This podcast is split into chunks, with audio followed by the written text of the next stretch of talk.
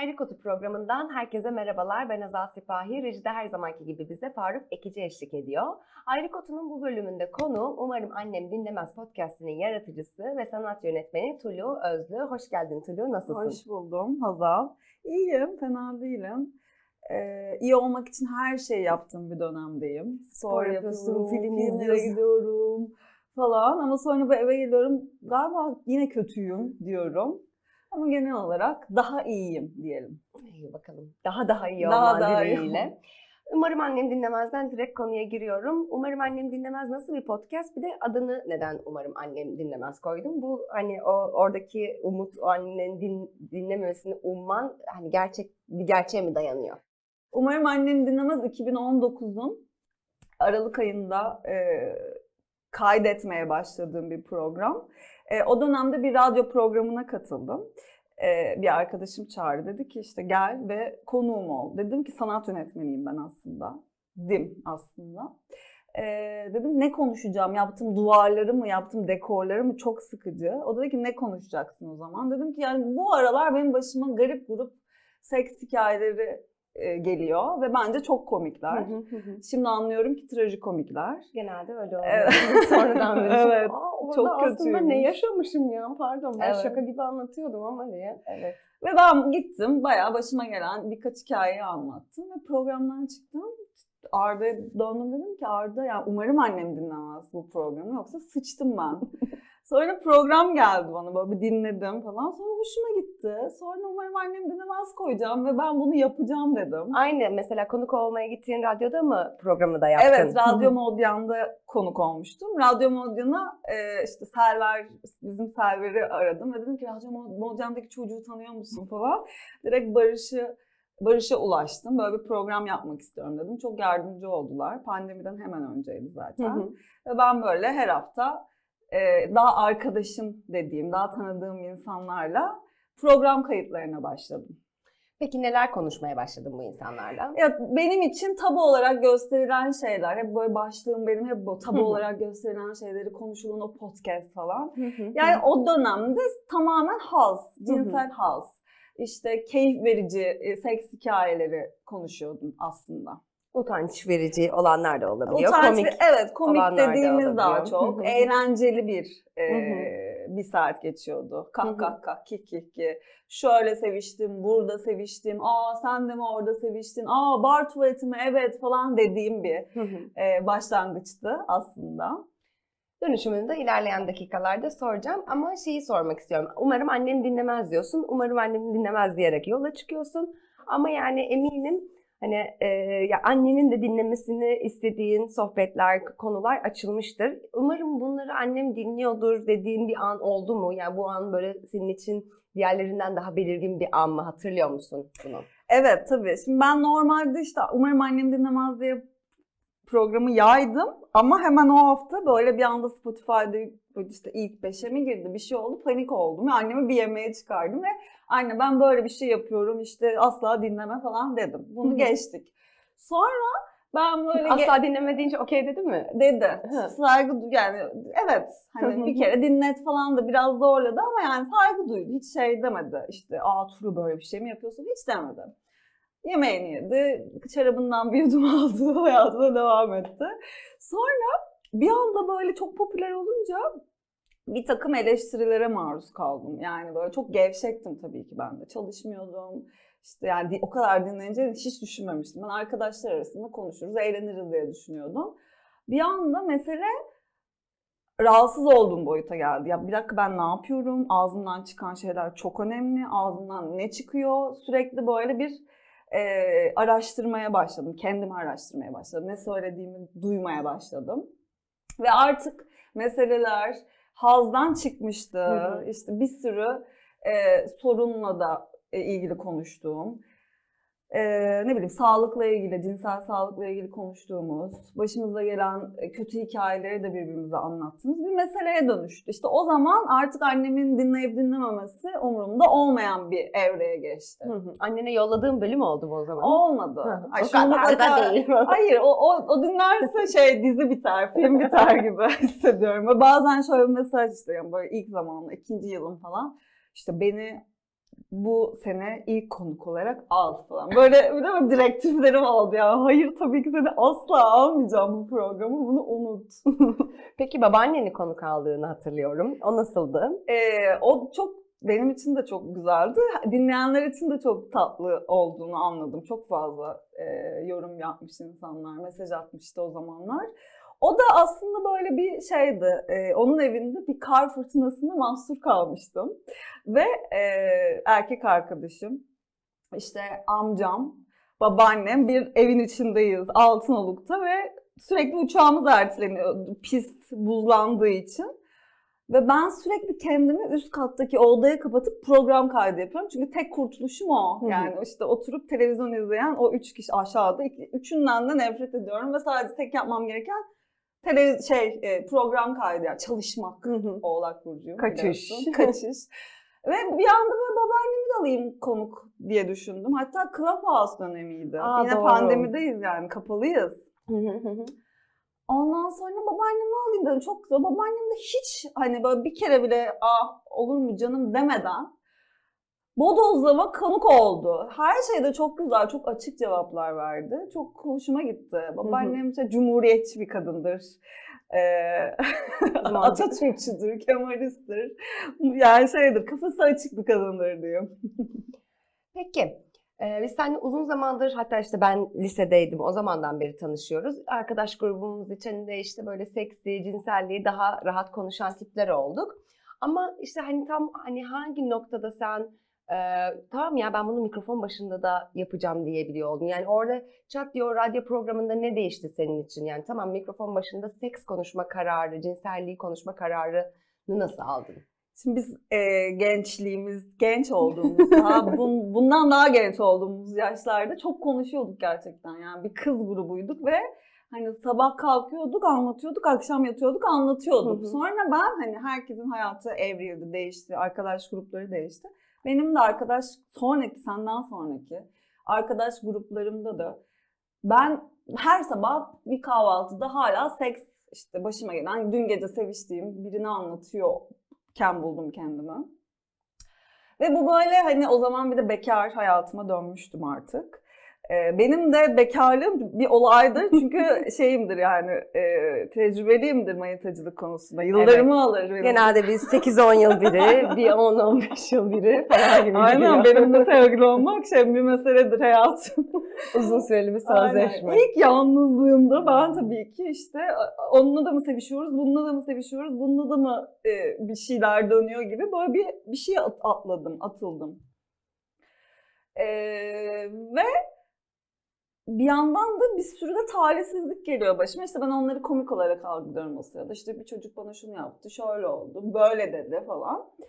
Ee, daha sonra ben bunları konuşmaya devam ettikçe bir yandan da kendimi güncel tutmak istediğim bir halim vardı. Bunu da böyle itiraf edebilirim. İnsan böyle 30'una falan geldiğinde işte bir boomer olmayayım şeyine de giriyor. O, o dönem ben girmiştim çok. Hı, ya ben işte geride kalmış olmuyorum. Evet yani Hala- dijitalde bir şeyler dönüyor ve bir dakika yani bir saniye biz de buradayız. Biz de koskoca hani bizim de bir fikrimiz var. Zevkliyizdir de bir fikrimiz hep vardır falan hayatta.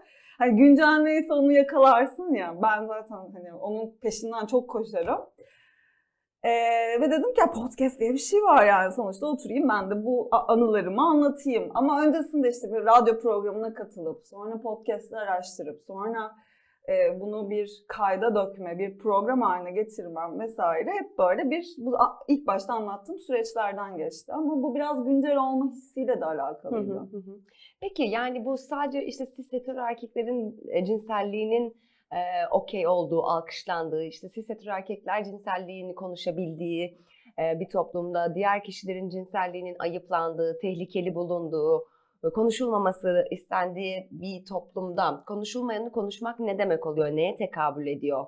Ee, yani bunu yapınca sen nasıl özgürleştiğini düşünüyorsun? Yani senin üzerindeki etkisi bir de aldığın geri bildirimlerde insanların üzerindeki etkisi ne olmuş? Sen bu, bu konuşulmayanı konuşmayı nereye koyuyorsun? Yani benim için şöyleydi hep en başından beri. Ben, benim hazzım, ben şunu yaşamıştım, ben işte şunu istiyordum, şunu istiyorum, isteyeceğim, ben, ben, ben. Bir, sonra bu e, kadınlarla, LGBT artılarla birleşince hatta araları erkekler alınca hani onların ne kadar programda olmaması gerektiğini daha çok anladığın bir evreye geçiyorsun. O yüzden ben ve biz demeye başladım. Yani biz şundan zevk alıyoruz, biz bundan hoşlanmıyoruz, biz bundan rahatsızız deme e, şekline dönüştü benim ben tavrım, bence tavrım.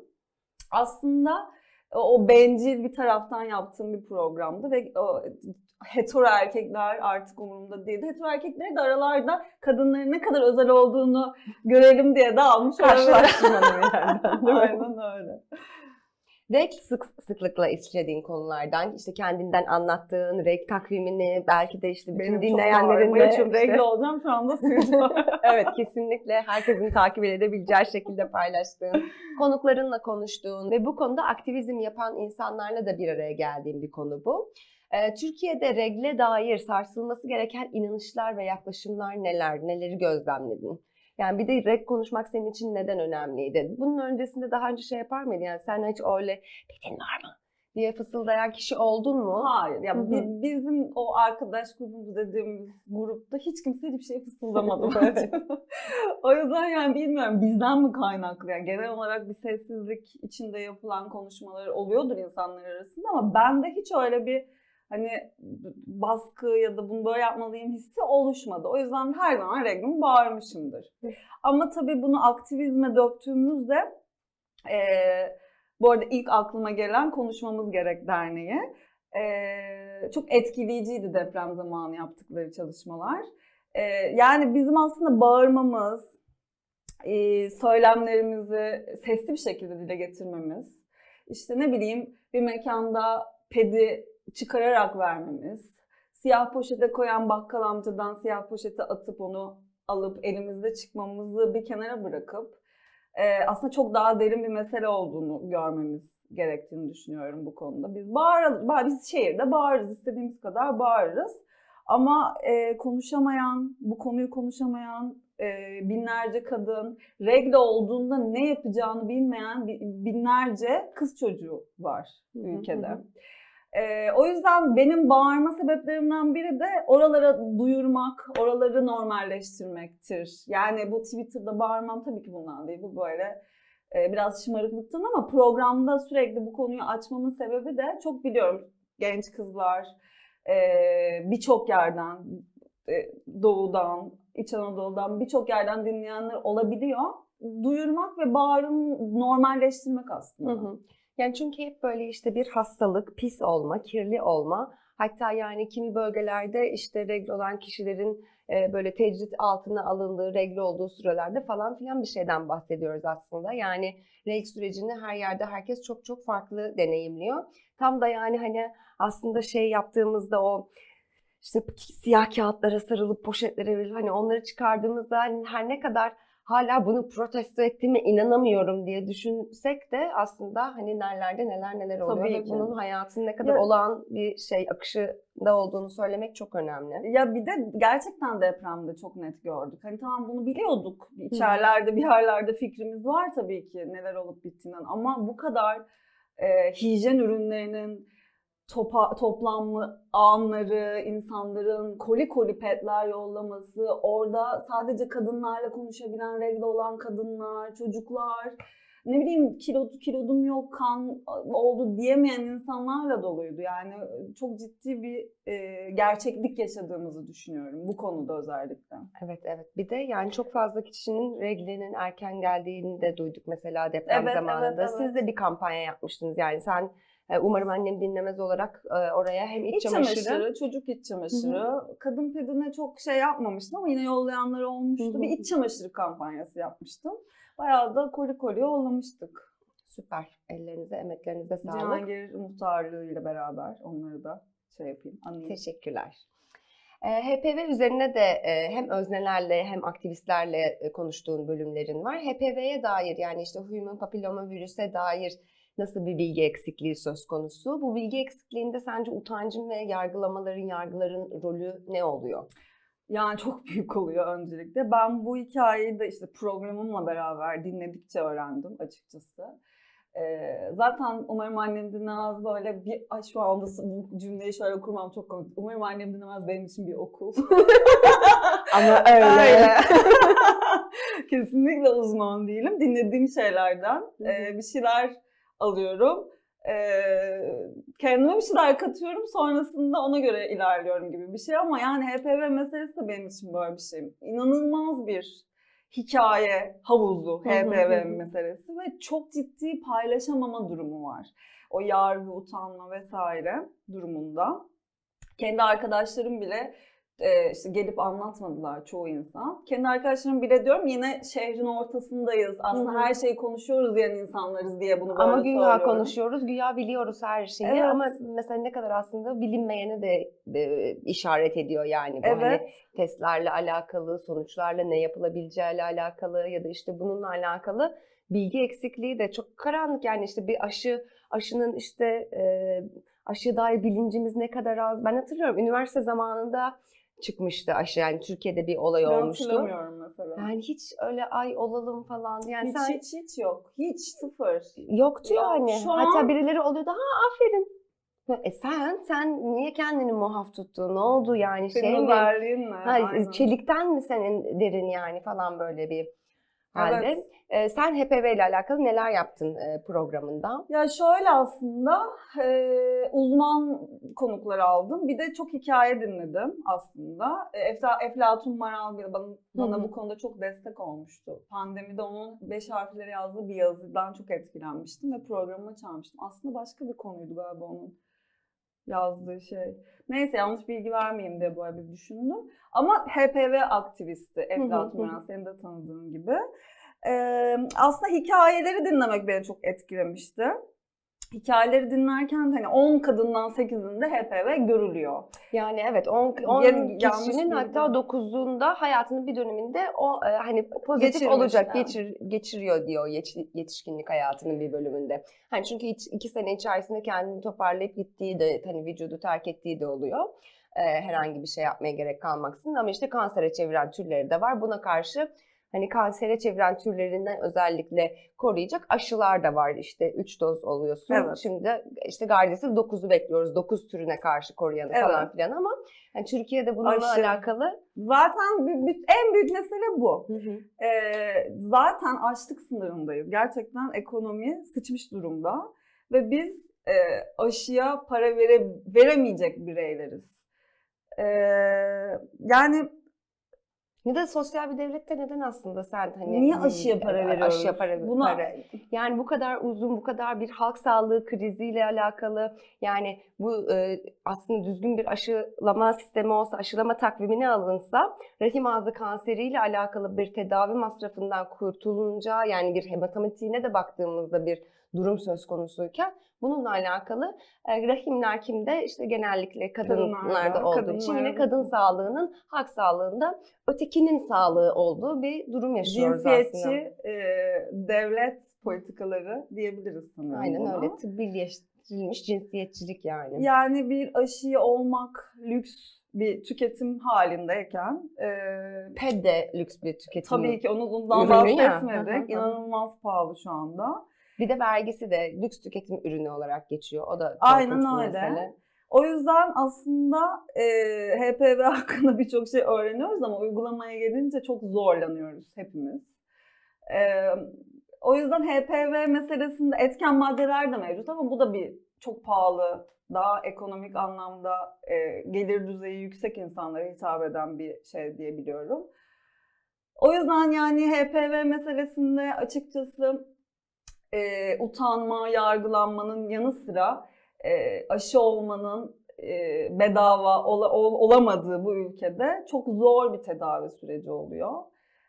Bundan dolayı da e, elimizden ne geliyorsa onu yapıyoruz aslında. Dinliyoruz hikayeleri, oradan tecrübeleri duyuyoruz, ona göre hareket ediyoruz. Ne yapılması gerekiyorsa yapıyoruz. Evet bir de yani eğer yanlış bildiğimiz bir şeyler varsa doğrularıyla bunu değiştirmek için de e, önemli bir fırsat bu sohbetler, dinlemeler ve paylaşmaklar, Evet, uzmanlarla da konuşmak. Çok önemli. Bir diğer sık sık ziyaret ettiğim tanı kürtaj. Kürtaj deneyimlerini dinlemek, konuşmak, kürtajı konuşmak hatta yani hani böyle kürtaj Türkiye'de e, yasal hani yasal değil değil ama hani fiilen yasak dendiği bir durum Evet. söz konusu. Çünkü sadece işte devlet hastanelerinin yüzde sekizi kürtaj yapıyor. Yani böyle bir durumda böyle bir ülkede kürtajı konuşmak neden önemli? Şöyle aslında bizim gençlik grubumuz, gençlik kız grubumuzda da yine popüler bir konuydu kürtaj. Keza sen e, kürtaj olmaya annenle gitmiştin. Hı hı hı Biz hı. kuzenimizi defalarca kürtaj olmaya götürdük. Ailesine söyleyemeyen arkadaşlarımızın yanında olduk. E, ben kürtaj olmadım ama olsaydım burada haykırırdım emin ol. E, anne olup olmama kararımı kendim verirdim hı hı hı. öncelikle. Dediğin gibi yani ülkede e, kürtaj yasal fakat bir sürü zorluk çıkartan bir sistem var yine. Yani e, devlet diyor ki aile olmak çok önemli ve sen anne olacaksın. E, o yüzden Üç e, tane hatta üç yani. tane doğur. Üç de yetmez Otur evinde tane. asla kürtaj olma bu yasak. Yani yasal ama yasak. E, o yüzden hani bu benim bedenim benim kararım meselesiyle beraber anne olup olmama hakkını kendimiz kendi hür irademizle verebileceğimiz bir dünya hayal ediyorum. Biz bu kararı verebiliyoruz. Umarım e, Evet. genele de yayılır. Yani ben e, kürtaj kadar özgürleştirici az şey biliyorum Evet. şu hayatta gerçekten ki. yani. Tabii ki. E, Mayıs 2022'de Koli Art Space'te Okyanus Çağrı Çamcı, e, Okyanus buraya da konuk almıştım ayrı kotuna ve Ut- Utkan Akçay ile beraber yazdıklarıma bakma sergisini hayata geçiriyorsunuz. Kadınların, transların, cinsiyet üzerinden ötekileştirenlerin şiddet hikayelerini od- odağı alan bu projeden biraz bahseder misin? Üstüne de konuşuruz zaten. Yani aslında bu projeden çok bahset bahsetmek isterim. Çok da keyif aldım o dönemde ama böyle bir e, iyi mi yaptım, kötü mü yaptım hissi geldi Hı bana yaptıktan sonra. Hatta o dönemde seninle de bunu konuşmuştuk. E, şöyle biraz e, paylaşmanın, konuşmanın, bağırmanın e, birleştirici gücüne orada da e, erişeyim diye başladığım bir şeydi. Fakat böyle bir iki eleştiri aldım. Hani kadınların acılarıyla işte falanlar yapmak gibi. Ee, ben öyle hissetmemiştim. Anlatanlar nasıl Anlatanlar da öyle hissetmedi bence. Hı hı. Yani kesinlikle öyle bir tepki almadım. Bir eleştiri de almadım anlatanlar tarafından. Hatta bence paylaştıkça rahatlamış olduklarını hissettim. Hepsi isimsizdi. Ee, benim tek derdim paylaşmayı. Hani bu podcast'te bir şeyleri bağırıyoruz. Hikaye anlatıcılığı çok önemli. Hikaye dinlemek ve anlatmak çok önemli. Bağırmak, susmamak, konuşmak çok önemli diye bir şeye dökeyim dedim. Yani bir, bir hep bir başka bir şey daha yapayım hissim vardır benim hayatta. Hani bir şey daha yapayım. Bu, belki daha iyi bir şey yaparım. Belki daha kötü bir şey yaparım ama e, deneyeyim ve yanılayım isterim. Yani o o dönem etkileyici de gelen insanlar çok etkilendi. Sen de gelmiştin. Ee, bilmiyorum insanları e, bıçaklamış gibi de hissettim bir yandan. Hani bir sürü travmalarla e, yüzleşen insanlar da gördüm o gün. Rahatsız olanlar da gördüm. Rahatsız edici olması iyi bir şeydi bazen tabii ki. Ee, o yüzden o dönemin bir şeyiydi. Yani şu an olsa tekrar aynı şeyi yapar mıydım bilmiyorum açıkçası. Ama işte yani o susmamak meselesi de yani tamam belki bir işte hukuki bir süreç izlemedi bu konuşmanın hani devamı bu konuda konuşmak, laf söylemek ama hani adalet duygusunun insanın içinde de çok sarsıldığı bir yerde işte o içinden çıkarabilmek hani ifşa neden hani çok feminist bir yöntem diye konuşuyoruz aslında o da yani yine bu hani adaletin sağlanamadığı yerlerde aslında hani bir hani imdat çağrısı gibi bir şey oluyor aslında yani öyle bir yerden yetişiyor. O yüzden hani e, oradaki konuşmalarda bence yani ses verebilmek bu hikayelere e, değerliydi. E, ellerinize sağlık. Teşekkürler. E, peki mesela işte e, hani cinselliğin bu kadar tabu olduğu bir toplumda işte tırnak içinde o seks konuşan kadın hani belki sana da diyorlardır işte şey Ayşe Armağan işte yeni nesil Ayşe Armağan falan gibi. e, olunca Sen biraz benziyorsun o tipine. Ee, yani insan çok sınır ihlaline de maruz kalıyor. Yani işte hani e, sen seks konuşan bir kadınsın ya sende her şey konuşulabilir. İşte sen sürekli bunu konuşmaya her zaman işte belki işte reglinden ya da işte kürtajdan bir şeyden e, konuşmaya müsait olarak da e, algılanma, algılanıyorsun. Çünkü insanlar istedikleri gibi an- anlamaya da teşne oluyorlar e, böyle durumlarda. Sen bu konuda neler yaşadın? Sağlıklı sınırlar çizebildiğini düşünüyor musun? Nasıl oldu o işler? Yani benim için bu ihlal en e, böyle şey örneği, e, net örneği ihlalin şuydu. E, bir gece Şahika çok sarhoşum. Gece 3 falan bir çocuğu tanıyorum ama böyle çok yakın arkadaşım değil. Gelip bir erkeğin e, boşalamama hikayesi falan anlatması böyle şeydi benim için. Bana ne abi ya şu an ne alaka ben senin niye boşalamamanı dinliyorum ki gibi bir şey, bir an yaşadım. Mesela çok komikti benim. Ya komikti ama yani onu biraz böyle aa falan filan deyip göndermiştim. Aslında bir sınır ihlali Tabii yani. ki. Hı. Ya birincisi uzman değilim, bir şey değilim. Ya ben senin hikayene e, maruz kalmak zorunda değilim. Evet, sormadın. Aynen sormadım hani nasılsın bu aralar yatakta demedim sana. Ee, böyle bir şey yaşamıştım. Onun dışında da e, çok soruyorlar mesela işte sana ne mesajlar geliyordur, işte neler diyorlardır diye.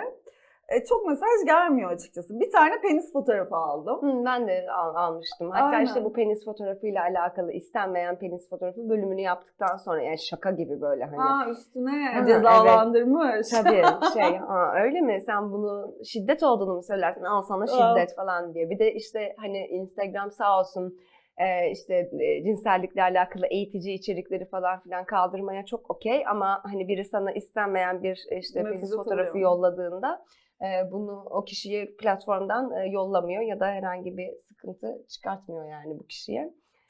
Evet yani bir penis fotoğrafı benim de var. Şok olmuştum. Bir anda av yani insan bek- o kadar almadım ki yani şok olmuştum gerçekten.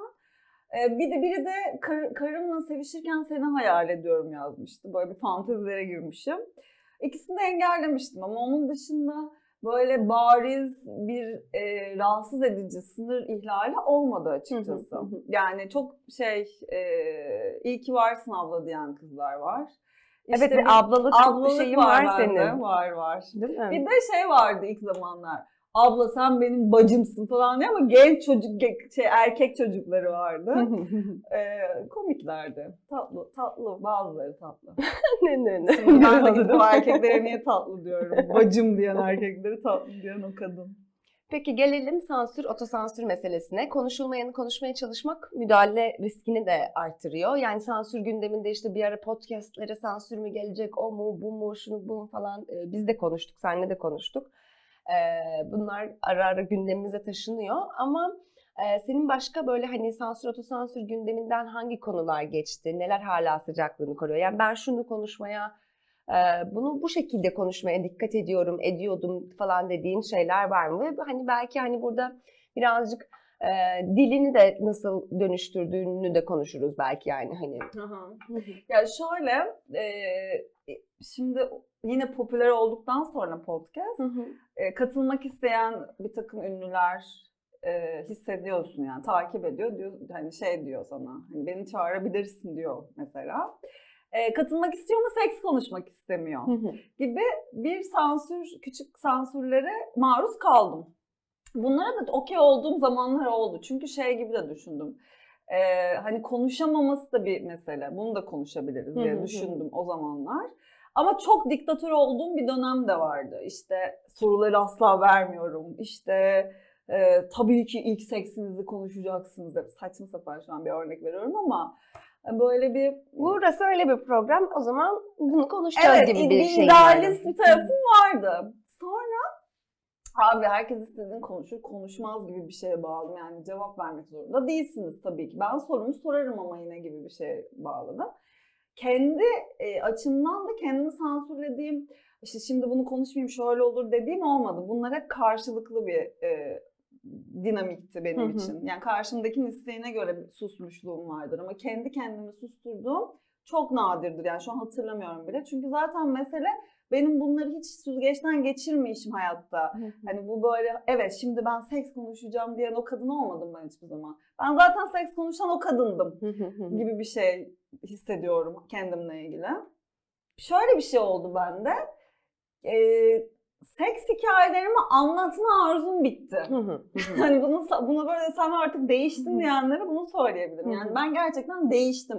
Sohbetlerin seyri de o yüzden mi birazcık evet, hani evet. öyle yani değişmiş o oldu? insan değilim. Şimdi orada 30'a yeni girmiştim ve ben bence ben 30 yaşında hala ergendim. Yani çok işte 10 yıl sevgisinden ayrılıp bir anda yalnızlığa kavuşan 20'lerin başında kadınların yaşadığı kızlar kadınların yaşadığı şeyleri ben bir anda 30'umda yaşıyor oldum. Ee, o da biraz bende böyle e, başka bir enerji ve coşku yarattı. Yani o konuşabilmeye cüret ettikten sonra konuşmaya devam etmek değil başka bir yola Evet, sapmak gibi evrildim. oldu. Hani başka cüretlere, başka Aynen. kalkışmalara kalkmak gibi. Aynen yani hikayelerimi anlatmak hikayelerim bitti öncelikle. Yenileri de yaşanmıyor diye. Yani evet yani tuvalette sevişmiyorum şu an gibi. Sevişmeyeceğim anlamına asla gelmiyor ama bir hikayem daha girmiyor şeyime, hafızama. O yüzden de benim meselelerim de değişiyor kafamda. Yani biraz daha oturaklı bir insana dönüştüm. Artık 4 sene geçti yani. Hiç o insan değilim. Fikirlerim oturdu bir kere. Bir fikrim yoktu bence. Yani ben bunu yapıyorum ama neden yapıyorum bilmiyorum. Şu an e, yani uykularımı kaçıracak fikirlerim var gerçekten Hı hı. ve e, bilmiyorum bu halimi daha çok seviyorum. Peki mesela bu e, yüzün üzerinde bölüm yayınladın bu 4 sene boyunca. Yayıncılığındaki değişimi dönüşümü sen nasıl gözlemliyorsun? Yani işte dedin ya demin e, yani bir fikrim yoktu diye. Şimdi nasıl fikirlerin var? Şöyle şimdi ilk programlarımda beni çok daha tatlı ve eğlenceli bulan dinleyicilerim olduğunu biliyorum. Çünkü işte bilinçsizdim. Öyle ne gelirse konuşuyordum yani. Ne, eskiden cahilim şunu yapardım, şimdi bilgiyim konuşmuyorum falan gibi bir şey bağladı. Kekeliyorum orada. Yani o zaman gerçekten hani o komik tarafımı gösterebiliyordum çünkü çok rahattım. Çünkü ben sanıyordum ki üç kişi dinleyecek. E, fakat şu anda yani gün geçtikçe daha böyle gerçekten konuşamadığım zamanlar oluyor yani tedirgin oldum ki bence o da oturdu. Yani bunların hepsi böyle işte o sene öyleydi, bu sene şöyle gibi bir şeyim var 4 yıl içinde. Her sezon farklı bir türlüyüm. Şimdi e, sunuculuğa alıştım yani programın sorularını da hemen hazırlayabiliyorum. E, şeyde de podcast esnasında da mesela şu anda konuşuyorum seninle akıcı bir şekilde ya yani podcast esnasında "Iı, bir dakika ıı" falan yapan biriydim. Hala yapıyor olabilirim ama bence öncekine göre çok daha azaldı. Şey yapmayayım şimdi kendime ama gelişmiş, oturmuş bir e, ne konuşacağımı bilen bir haldeyim ve bu beni, beni mutlu ediyor. Ve nereye doğru gidecek çok da merak ediyorum açıkçası. Onu da soracağım bakalım. Tamam, Bildiklerini en azından. Ee, kimi zaman markalarla, kimi zaman böyle işte çeşitli oluşumlarla, kurumlarla çeşitli işbirlikleri yapıyorsun. Bu bir sanat projesi de olabiliyor işte demin bahsettiğimiz gibi. Ya da işte sahilde temizlik yapma etkinliği de. Ee, sen hani kendine neleri mesele ediniyorsun? Yani işte iklim kriziyle de alakalı takipteyim, şu konuyu da şu konuyu da dediğim böyle konu başlıkları var mı? Özellikle bu e, geliştirdiğin projelerde. Ya şöyle aslında e, her gün bir yükle e, yatıyorum ve uyanıyorum. Şimdi bu, bunu böyle e, işte şey diye kendi kendime e, söylediğimde bunu böyle bir bu yük galiba aktivizm falan gibi bir şey gibi böyle bir tanımladım. Sonra dedim ki aktivizmi yük olarak konuşamazsın öncelikle.